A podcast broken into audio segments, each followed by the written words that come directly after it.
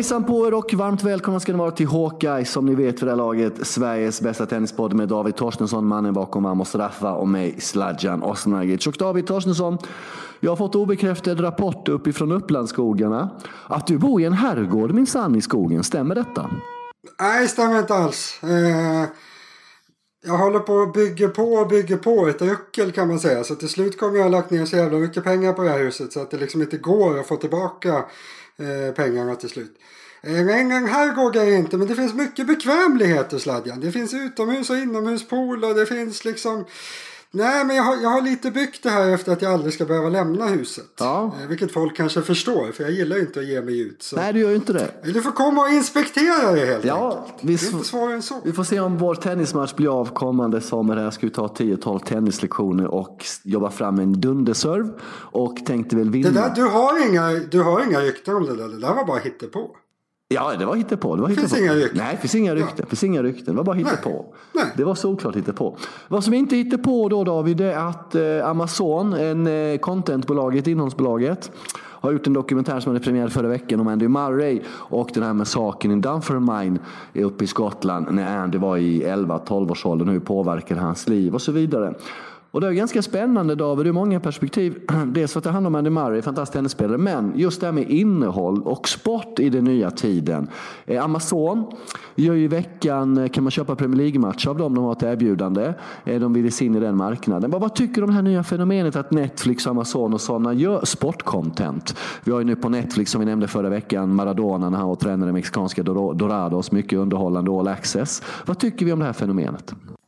Det är bara skit. Jag, jag betalar redan för hundra olika eh, tv-tjänster. Jag vill inte ha dem. Nej men, nej men det är väl bra. Man förstår väl det. Det börjar väl bli mer och mer så att de, de köper in stora grejer. För det blir väl ganska dyrt för de vanliga tv-bolagen att hålla hela rättighetspaketet själva. Som på Premier League har de börjat nalla lite på, på rättigheterna till eh, Amazon eller vad det är. Eh, det lär väl bli samma på tennisen till slut. Till slut kanske inte någon har råd att köpa hela rättighetspaketet utan man kanske kommer sälja vissa livematcher på, till Facebook eller något sånt där. Men det, det är väl det som är utvecklingen Sladjan. Det är väl inte mycket att säga om. Eller vad, har du någon åsikt i frågan?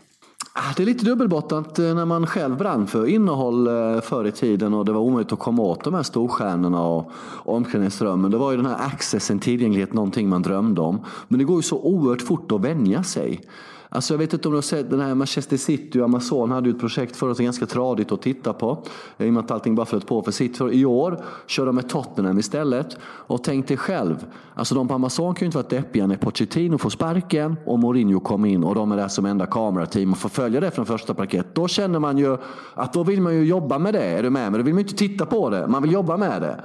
Eh, Ja, de, de satt inte och grinade den där dagen då beskedet kom. Dels att han fick sparken och sen Mourinho ganska tätt inpå. Men det där, det där känns väl lite mer spetsigt än vad det känns att sitta och tjata med Murray i hans sovrum. Jag vet inte, jag tycker du säger något intressant där med att ja, man får den här tillgången på ett annat sätt. Men hur kul är det liksom? Hur kul är det att sitta och lyssna på Murray när han pratar om sina livsproblem? Liksom, jag vet inte, jag, jag, jag kan inte påstå att jag liksom står upp och kör krigsdans över det. Jag tycker att det känns sådär. Alltså, jag behöver inte se det. Nej, och sen är frågan David, hade Amazon varit intresserad av att göra den här dokumentären med Andy Murray om han inte hade varit från Dunfermline och var kopplad till den här hemska massakern? Det är det som är den så här bakomliggande jobbiga frågan tycker jag. Jag, jag säger väl samma sak där. Hur, alltså, jag gillar Andy Murray. Jag är superintresserad av att spela, se honom spela tennis. Men alltså, jag vet ju att han är superkråkig vid sidan om tennisen. Och, alltså, även om det har hänt någon så här sjuk grej. Han hade skjutsat någon massmördare i sin bil och grejer. Alltså, jag vet inte om jag bryr mig mer om ifall Murray har gjort det än om min eh, granne här snett över gatan har gjort det. Liksom. Jag, jag vet inte, jag, jag tycker inte att det där är, är särskilt spännande. Alltså. De, de hade kunnat skita i den där Murray-dokumentären. Och han hade kunnat skita i att göra så enormt mycket egen reklam för den också. Det, det verkar väldigt viktigt för Murray att folk ska se den här. Är det viktigare för Murray idag hur han framstår som person än som tennisspelare? Det känns ju så. Alltså, det, har ju skett, det skedde ju verkligen. Det var ju någon brytpunkt i hans liv där. Från att han hade han var ju alltid ganska, alltså han var ju butter men han var inte otrevlig mot, mot folk som försökte ställa frågor till honom eller något sånt där. Men sen, sen blev det ju bara någon brytpunkt när han helt plötsligt skulle liksom driva på frågor som han inte har någonting att göra med och han skulle liksom ge mycket mer inte. Jag vet inte vad som hände. Det var verkligen som att det förändrades över en natt nästan. Men Jag, jag gillar ju den där gamla Murrayen bättre alltså. Han som bara var, eh, han som man inte hörde någonting från som man visste var så jäkla tråkig så det var ingen som orkade prata med honom. Nej, Ta tillbaka den gamla Mario med mindre Amazon och mer tv-spel. Men du kommer väl ihåg SVT på 90-talet? Tv-serien Smash? Om svenska tennisspelare med Peter Wahlbeck. Det var en bra tv-serie. Ja. Gör fler sådana tv-serier istället. Ja, och vi ska också nämna att Netflix har gjort eh, lite Boris Becker och Djokovic gjorde ett samarbete med Jacobs Creek, vinproducenten. Det blir lite konstigt i och med att inte han själv dricker vin, David, va? Ja, annorlunda. Hur skulle en, en dagens Smash bli? Det känns ju som en, en, en given succé att göra något liknande med tennisspelare. Det är roligt att göra tv-serier om tennisspelare. Ja, Djokovic, Jakobs skrik, den är lite otippad. Eller vad säger du? Skulle du valt ut Djokovic till att göra vinreklam? Det känns inte kompatibelt för min del. Nej, han vet han inte dricker vin. Men en sån tv-serie som Smash som gjorde på 90-talet då skulle vara oerhört mycket intressantare om man gjorde den idag, hävdar jag. För det har ju hänt ganska mycket med runt omkring tennisen och så vidare. Vilket vi kommer att komma till våra lyssnarmail så småningom. På den tiden var ju kanske inte det här med betting och sånt ett sånt jätteproblem på, på Challenger-touren exempelvis. Som det kanske är betydligt större idag, eller vad säger du? Du skulle vilja göra en dramaserie alltså om... Eh, nu, nu är jag inne på min bokidé. Ta inte min bokidé här slädjan. Jag ville skriva en, en deckare i tennismiljö. Så alla, alla ni som vill betala mig för att skriva den här boken. Ni kan ju mejla mig eller något sånt där. Så kommer jag leverera en otroligt bra bok till er. Eh, nu, nu är det så här sladden. Jag tror att folk märker att vi inte har ett skit att prata om idag. Ta in lite substans i avsnittet. Jo, här. det ska vi göra. Det ska vi absolut göra. Det. Nu kommer jag med fullständigt här, för jag kommer börja, börja tänka på Björn Hellberg. Jag vet inte om du blir sårad och stött nu, men han har skrivit massa deckare, tennisikonen. Jo, jo. Ja, ska du bli den nya Björn Hellberg? Är det Lille Hellberg vi snackar ja, om här eller? Jag ska, jag ska sitta där vid bokhandeln i Båstad hela Båstadveckan och signera mina böcker. Det, det är så, så det ska bli. Han är väl ganska duktig på jag har ju en, en liten svaghet att jag inte läser så mycket böcker. Men Hellbergs böcker ska väl vara ganska bra. Mina föräldrar läser hans böcker. Det, de läser i och för sig precis alla böcker som finns i hela världen. Men eh, jag tror han är, han är nog en ganska duktig eh, bokskrivare, Hellberg. Mm. Har inte mm. vi sett honom sitta och signera böcker, Sladja? Jo, det är det som är det sjuka David. Enda gången vi träffades, det var ju i Stockholm på Östermalm, Gärdet där, inte så långt ifrån det här köpcentret. Vad fan heter det här eh, där vi, ja vad heter det? Fältöversten va? Exakt så heter det. Och då var vi där och plåtade lite då för, för den här podden bland annat. Och sen skulle vi gå och käka lunch. Och vem sitter där i fältöversten utanför en bokhandel och signerar böcker utan att en enda människa går förbi? Och du och jag var, ska vi gå fram och säga hej eller inte? Vad gör vi? Vad pinsamt. Vi sa ingenting. Han satt helt ensam, Björn Hellberg. Det gjorde ont att se i mig. ja, så var det. Precis så var det. Vi kanske skulle gått fram och pratat engelska med honom, men jag vet inte. Okay. Det kanske hade varit det humana att göra. Tipsarevic är övertygad om att Annie Murray kommer vinna en Grand Slam till minst. Goran Ivanisevic utesluter det helt. Vad står David Torstensson i fallet Annie Murray? Tar han en Grand Slam 2021, 2020, 2020 eller 2021? De två kommande åren. Får man ställa sig mitt emellan de här och liksom mota dem åt varsitt håll? Nej, alltså jag är 80% åt var det Ivanisevic som sa att han inte skulle vinna? Det känns ju som alltså, han är inte tillräckligt bra för att kunna göra. Jag, nej, när man ska ranka mig i spelstyrkan. Nu ska jag inte avslöja det för folk ska följa min topp 100 inne på varmosraffa.se mm. som kommer ta Exakt. några veckor till. Men det känns ju som att alltså han är ju inte riktigt där bland de absolut bästa som det är just nu Murray. Och, alltså sen en spelare som inte är bland de absolut bästa vann en Grand Slam. Det är ju angränsande till hundra år sedan. Så ja, jag tror det ska otroligt mycket till för att han ska vinna en Grand Slam. Däremot typ semifinal. Det kan han klara och bara det vore ju ganska mäktigt skulle jag säga. Så, ja, jag tycker inte man ska ha så mycket fokus på att Murray ska vinna stora titlar. Om man kan slå en bra spelare och gå långt i stora turneringar så känns det som tillräckligt med tanke på att han är en reservdelsman nu för tiden och så vidare. Så Troligtvis ingen till skulle jag säga. Mm. Eh, metallhöften tänker du på då bland annat? Mm. Det är väl inget bra. Det är väl inte så många som blir bättre av att sätta in alltså, icke-mänskliga delar i kroppen. Det, så bra är ju inte tekniken. Nej. Tony Kukoc, den gamle basketspelaren i Chicago, Chicago Bulls, opererade in i metallhöfta. Han menar på att han blivit mycket bättre på golf sedan dess. Men det är en annan sport. Han blev inte bättre på basket. ja, det var efter karriären. Svingen blev stabilare ja. av att han blev lite stelare i, mm. i höften. Och liksom, det var mindre som kunde gå fel. Mm. Det låter ju logiskt. Mm. Vi återgår till tennis. Det är en tennispodd. Vi ska prata lite om Roberto, Roberto Bautista Guds fantastiska år. Nådde då semifinal i Wimbledon. Eh, hans mamma gick bort förra året, hans pappa gick bort nu i samband med Davis Cup. Han har gift sig, blivit topp 10 första gången, hade svensexan då efter semifinalförlusten mot Djokovic i Wimbledon. Ett händelserikt år för Roberto som vi förutspådde inför hardcourt-säsongen skulle eh, liksom var ännu mer bullet. Men där tappade han lite där i augusti och fram. Ja, det var ju väldigt bra år för honom. Det får man säga. För det är ganska många spelare ändå som har varit bra den här säsongen. Alltså sett till, ja toppspelarna har varit bra som vanligt. Men sen har det varit ändå ganska många som har varit bra bakom dem. Sen har det väl börjat droppa av när man kommer utanför topp 10. Men han har ändå tagit sig in där trots att det har varit många som varit bra. Så, ja, han brukar ju alltid ligga runt, eller lite innanför 20 normalt sett Bautista sen han slog igenom. Slog igenom relativt sent för övrigt.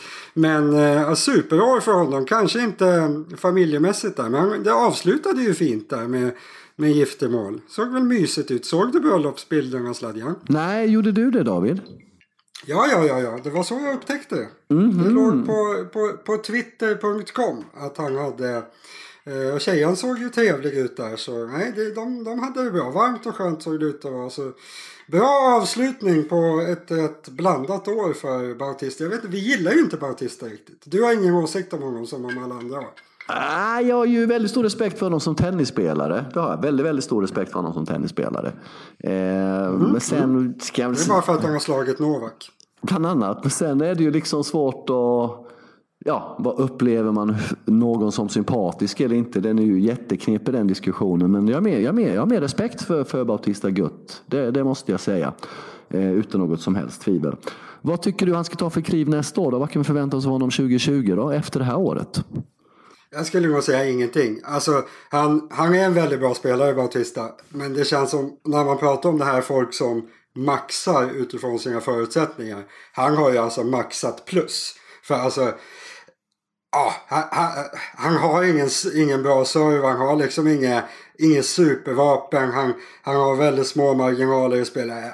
helt ärligt, han kan inte bli bättre än vad han har varit i år. Jag skulle säga att det, det är helt omöjligt. Det här är hans max. Så ligger han femma i världen när vi kör Hawkeye 3 december 2020, då jäklar får du då får du plocka ut ett valfritt straff på mig sladjan, för det, det händer inte. David, du är ett tennisorakel. Du vet precis allting mm. om tennis mellan mm. himmel och jord. Inte bara det som utspelar sig på själva banan utan även det utanför. Och nu kommer en jättejobbig kuggfråga här. Nu kommer frågan du inte vill ha. Frågan från helvetet.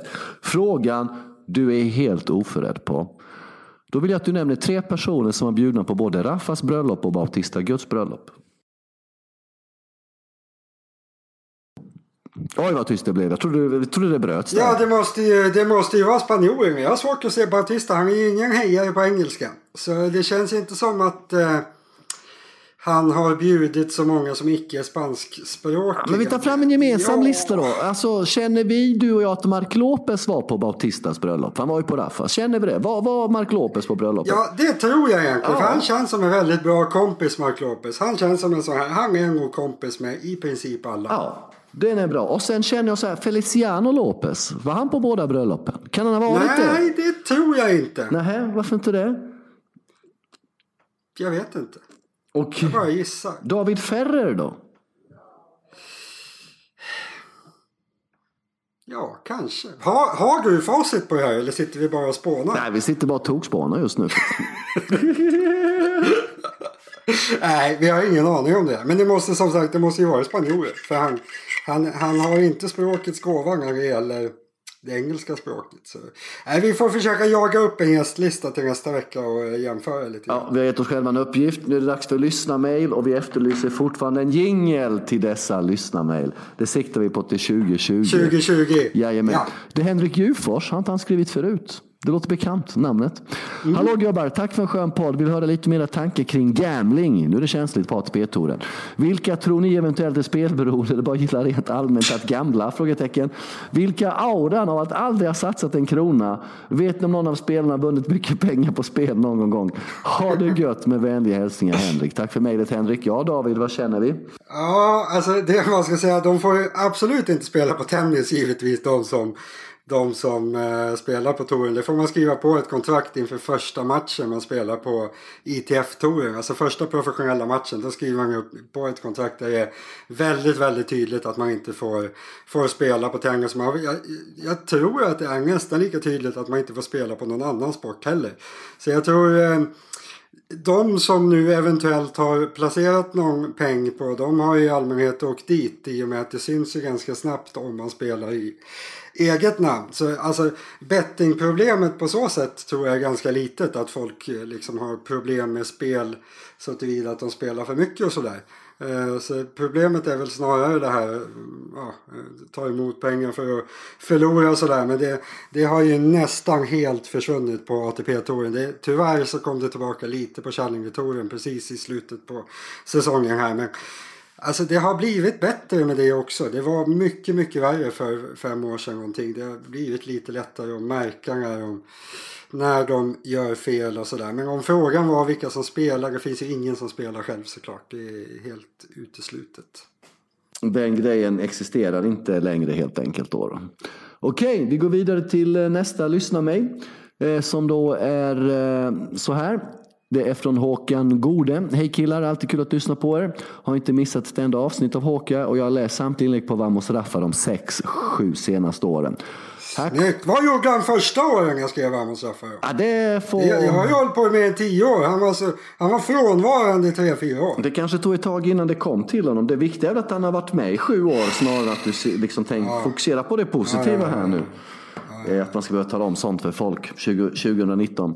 Här kommer en svår fråga på ett kärt tema sen. De tre stora. Oj då, om ni var tvungna att radera någon av dem från historien, så att personen aldrig funnits, vem skulle det då bli?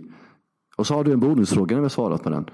Oj, vilken knepig... Nej, den vill man ju inte radera någon ju. Eller vad... vad, vad, vad, vad alltså vadå? Ska jag, ja, får jag välja historiskt så ska jag kunna tänka mig att radera Sampras i och för sig. Nej, men av de tre, stora, av de tre, av de tre, av, av de tre stora som håller på nu. Det går ju inte Håkan. Det var en jävla knepig Jo, jag, tänk, jag tänker välja. Vet du, vem tror jag kommer välja Sladja? Vem tror du?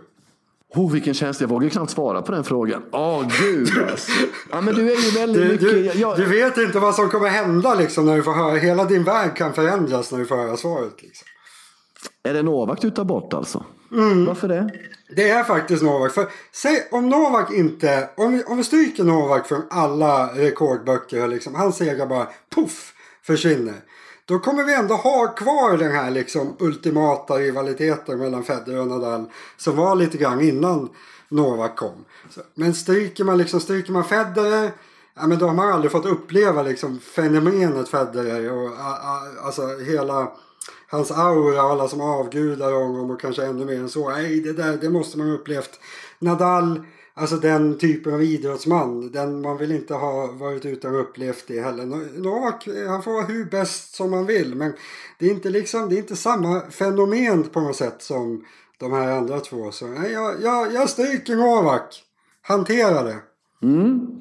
Nej men det är ju eh, ja, det är ditt val där. Jag väljer att inte stryka någon av dem känner jag. Det blir ju jättekonstigt. Ja, men vad vekt Sladjan. Nu var, nu var man ju tvungen, eller hur? Ja, det var vi ju. Men jag tycker det är oändligt svårt. Kan jag få återkomma i slutet av programmet här för att fundera vidare på denna? Eh, om det är okej. Okay. Så har vi en bonusfråga till dig. För länge sedan eh, innan surfklockan fick Nadal en hel del kritik för att han tog eh, för lång tid på sig och ansågs därmed osportslig. David försvarade honom då med att hävda att han eh, behövde längre förberedelse för att den bästa tennisen skulle spela skulle han självklart få den tid han behövde på sig och så vidare. Nu hyllar David Torstensson samma surfklocka. Är det inte längre tennisen som räknas undrar Håkan Gode. Bästa hälsningar från honom. Ja, alltså jag vill ju ha... Han missar nog lite här va. Eller så har jag förklarat det dåligt. Jag kan knappt förklara det nu känner jag. Men mm. det jag sa, det jag var emot. Det var att folk skulle stressa så mycket. Att det var så mycket fokus på att att tiden skulle vara så kort mellan poängen. Mm. Jag personligen som sitter och gör åtta saker samtidigt som jag sitter på tennis. Det stör inte mig om det går 35 sekunder mellan bollarna istället för 25. Och det är en högst personlig åsikt att det inte stör mig. Och i och med att det inte stör mig så ser jag det där plusset i att om spelarna får återhämta sig då kanske spelet blir lite bättre. Och därför tycker inte jag, för min del så behöver man inte stressa på det. Men varför jag hyllar servklockan det är för att nu, nu blir det ju rättvist. Alltså om man har en regel som man alltid haft då ska man ju följa den. Jag tycker kanske man hade kunnat göra tidsreglerna så att man istället har mer tid på sig. Men nu har man i alla fall valt att följa den regeln man har. Och det tycker jag är bra. Sen finns det ju som sagt detaljer med surrklockan som inte funkar nu heller i och med att det är domaren som sätter igång den. Så i allmänhet kan det bli 30-35 sekunder mellan bollarna ändå för domaren skiter i att sätta igång den när han ser att en spelare är trött exempelvis. Så har spelaren själva verket 35 sekunder på sig istället för 25. Så klockan borde ju gå igång exakt när föregående poäng slutar så att det blir samma tid mellan varje boll.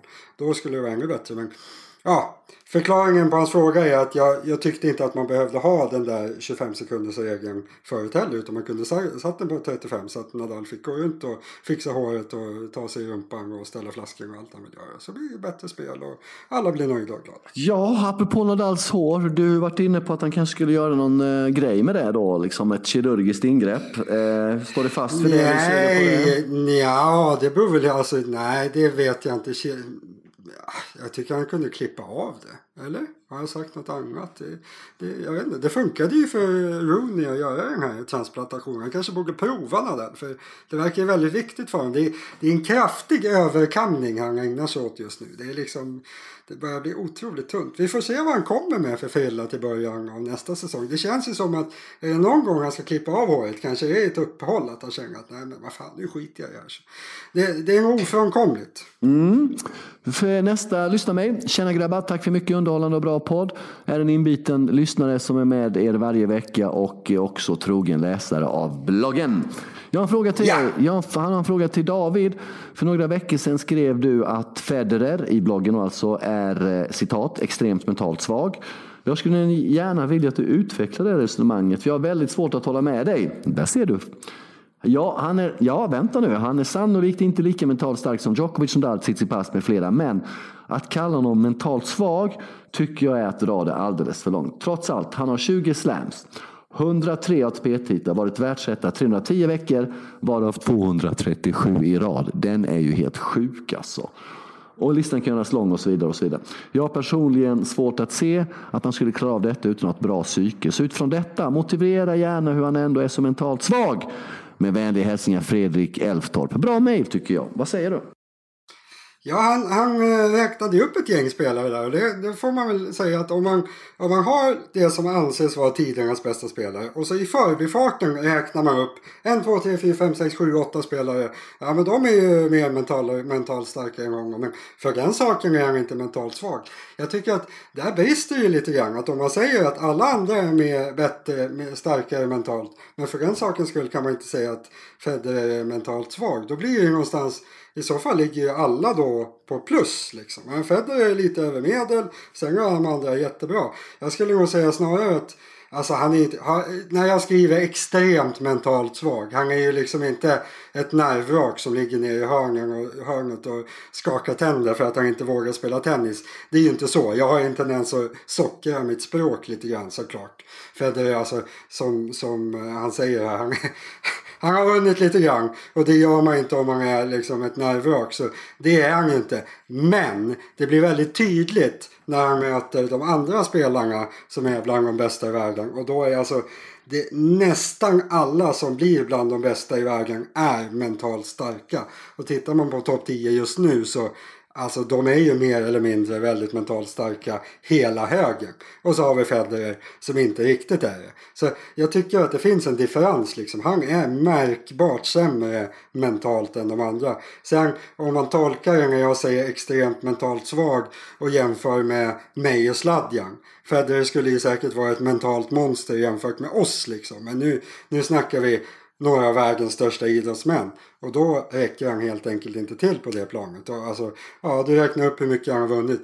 Hur mycket hade han vunnit om man hade fått med sig de här marginalfinalerna liksom. Som Wimbledon-finalen i somras. Han var ganska mycket bättre men förlorade. Det finns säkert fem, sex sådana stora matcher där han hade kunnat vinna ytterligare en slam kanske.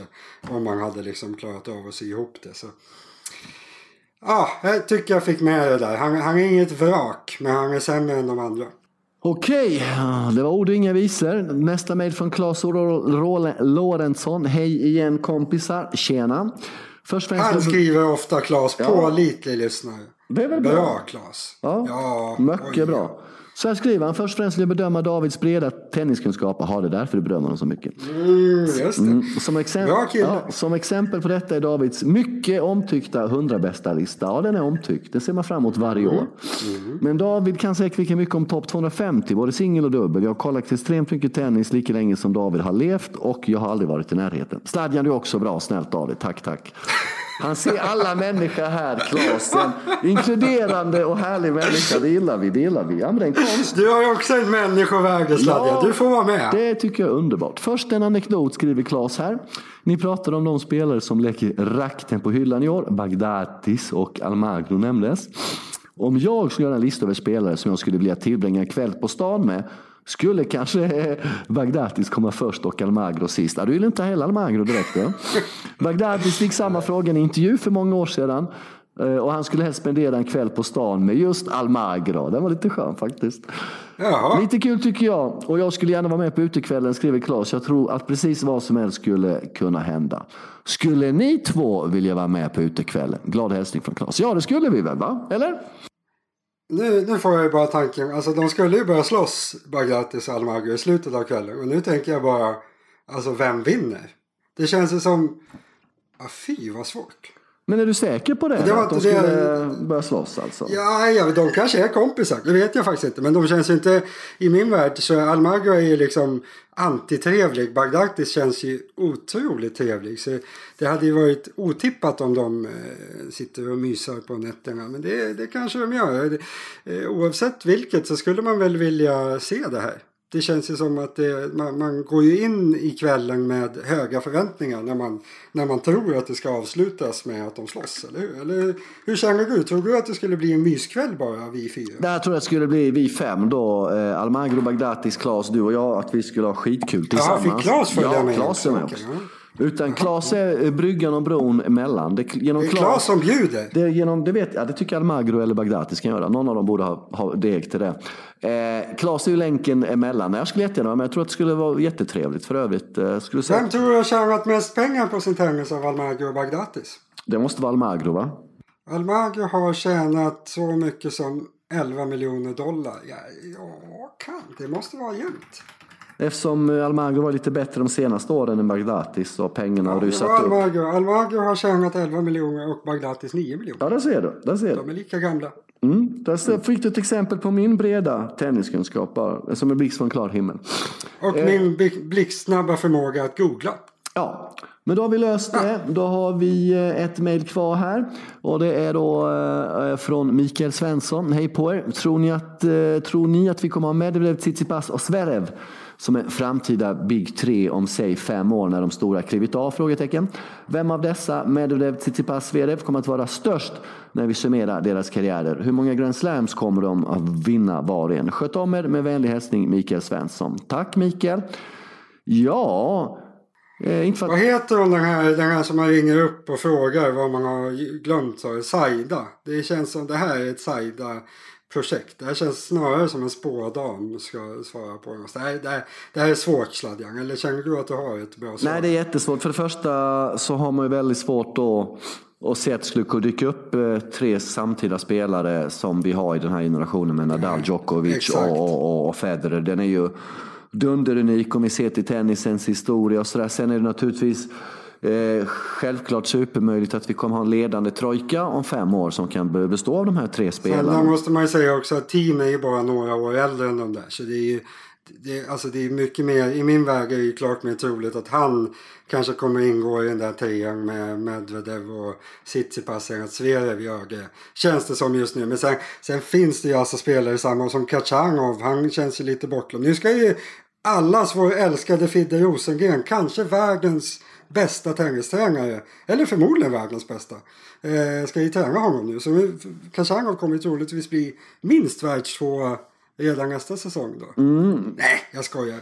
Eh, men, men som sagt, det finns ju andra spelare. Det finns Deminor, det finns Kachanov, det finns Chapovalov, det finns Felix. Alltså, nej, det, det, det, går verkligen inte att peka ut just de där tre till att bli en, liksom, någon slags överlägsen. Jag skulle säga att det finns snarare typ tio spelare som jag tror kommer att hoppa upp och ner kring varandra. På. Jag, jag, jag tror faktiskt inte, jag tror inte det kommer bli någon överlägsen världsetta. Jag tror inte det kommer bli någon liksom trea som står ut heller. Utan det kommer bli kanske lite mer som det är i damtennisen har jag uppfattning. Att det, det, det varierar lite. Ett tag eh, är den bäst och sen är den bäst och sen blir det bara en enda gröt av det med många bra spelare men ingen som är överlägsen. Liksom. Så, Ja, de vinner väl några slams var men det kommer inte bli någon 20 på någon av dem tror jag för ingen kommer sticka ut så mycket. Nej, sen kan man också påpeka då att eh, det är väl åtta spelare totalt i tennishistorien, om vi räknar från 30-talet framåt, som har tvåsiffrigt antal Grand Slam-titlar. Det är väl då Bill Tilden på 30-talet. Det är väl Emerson, och Leiver och Borg va? Eh, Tilden, Emerson, Leiver, Borg, Sampras, Nadal, Djokovic, Federer. Tre av dessa åtta är aktiva nu. Så att vi skulle få fram en sån motsvarande, det, det, det, det har jag svårt att säga.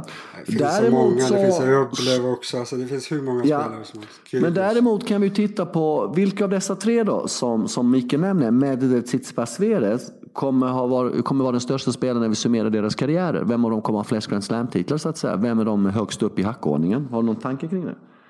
Ja, så här snackar vi ju färskvara. Sånt här påverkas man ju så otroligt mm. mycket om vad som har hänt precis nu. Men alltså, jag, jag tror faktiskt inte, jag tror inte Sverige. Jag, jag, jag har svårt att se att han ska kliva upp till en nivå där han på något sätt blir dominant. För jag, jag ser inte riktigt, och det har jag egentligen aldrig gjort, inte ens när han liksom låg så otroligt bra till och var typ 20 år gammal och var topp 5 liksom. Men jag, jag, jag, tror inte det, han kommer nog ligga där femte plats någonting. Men eh, om jag måste välja mellan Medvedev och Tsitsipas, det, alltså, då blir det den här färskvaran. Jag, jag ser ju någonstans framför mig att Tsitsipas med sin mentala förmåga kommer liksom pressa ur så otroligt mycket av det han har att jobba med. Liksom. Medan Medvedev känns lite mer som ett ja, lite mer osäkert kort samtidigt som jag tycker Medvedev är den bättre spelaren av dem.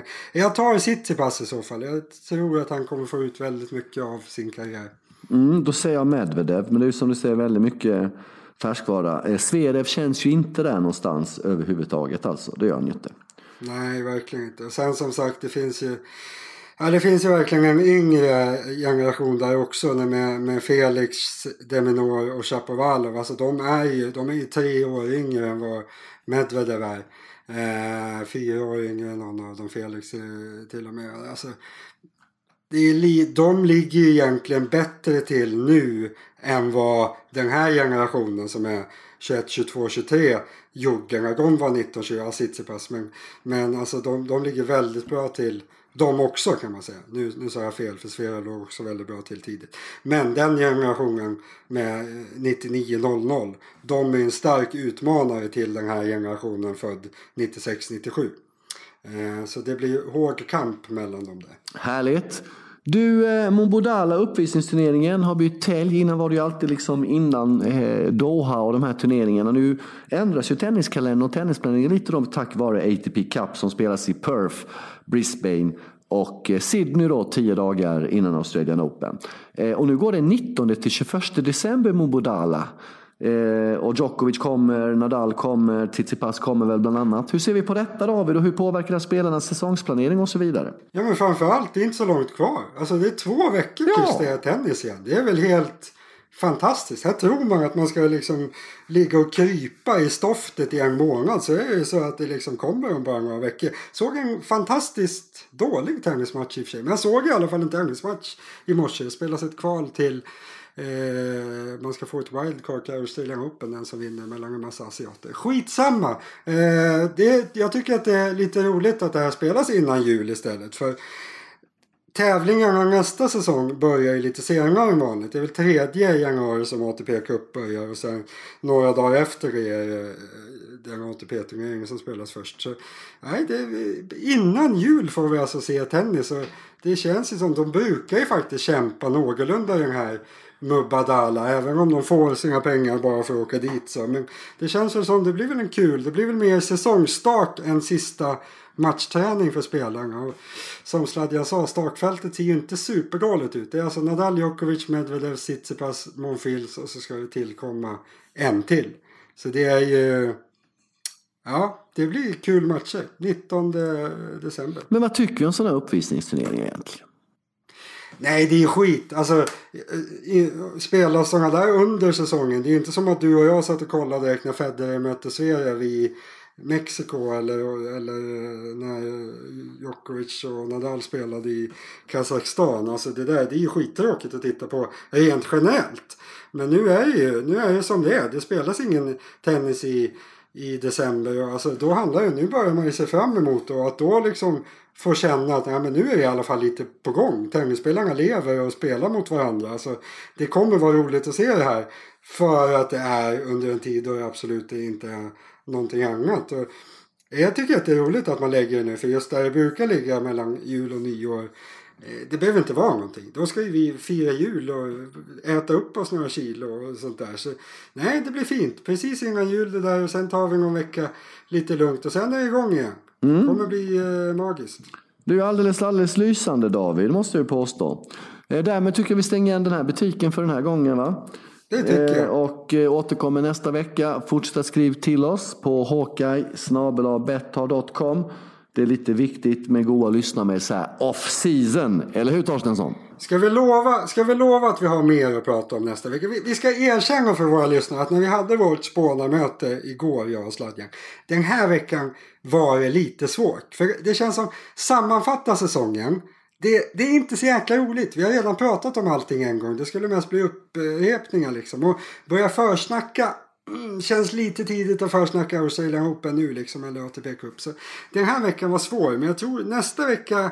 Jag tror vi kan lova. Vi kommer ha mer saftiga grejer och eh, prata om nästa vecka. Jag lovar! Jag lovar! Varför måste du alltid liksom berätta i sändning vad vi pratar om off the record undrar jag? För att det är roligt. Det är ja. precis det man vill höra. Är det inte det? Man vill ju veta vad som händer när folk inte sänder. Ja, jag vet inte. Alltså alla är supertråkiga. Om du tittar på en sportsändning i tv. De sitter ju bara och säger skittråkiga saker hela tiden. Mm. Men tänk vad mycket roligt de säger när de inte är sändning. Mm. Jag har fått, Så det är av äh... egen erfarenhet. Ja. Jag vill höra jag vill höra vad du och dina kompisar satt och snackade om under fotbollsmatcherna i Premier League-studion. Liksom. Av de mejl vi har fått då det här året vi har kört, är det något mejl som har varit överhuvudtaget ens nyfikna på vad du och jag sysslar med vid sidan av Hawkeye? Nej. Nej. Nej. Det spelar väl ingen roll. Allt som spelar roll är väl vad jag tycker. Ja, plus att, ja, det, det, det, är sant. Plus att jag har fått lite obehagliga, tre obehagliga mejl här som inte håller för att läsas upp angående då min syn på städning och städerskor eftersom du sålde ut mig i förra avsnittet då, då där du helt enkelt berättade att jag har en städerska i serven, att jag betalar henne svart dessutom berättar också. Eller kanske jag berättar nu. Kanske Nej, det gör jag absolut inte. Och, det där, det där är då... två månader i buren Sladja. Ja, det är vitt och att jag, Rot, serbiskt rotavdrag. Och att jag då har fräckheten och klagar på att allt inte står på samma ställe som de kommer varje gång. Att jag då haft fräckheten att ha ett möte med henne med detta då. Och att jag då på allvar överväger att lägga tejpbitar på mitt mörka parkett som jag har genomgående i hela lägenheten 84 kvadrat. Så hon vet exakt var fåtöljerna ska stå. Men men, det är sådana problem jag brottas med. Du får brottas med din topp 100-lista på Vamos Raffa. Tack till alla som har lyssnat. Skriv in till oss. Tack Betthard för att du låter yes. oss göra det här. Tack bort Betthard! Nej, tack Betthard! Tack. tack Betthard för att vi får göra detta. Och uh, ja, skriv in till oss om något att prata om nästa vecka. Hej hej!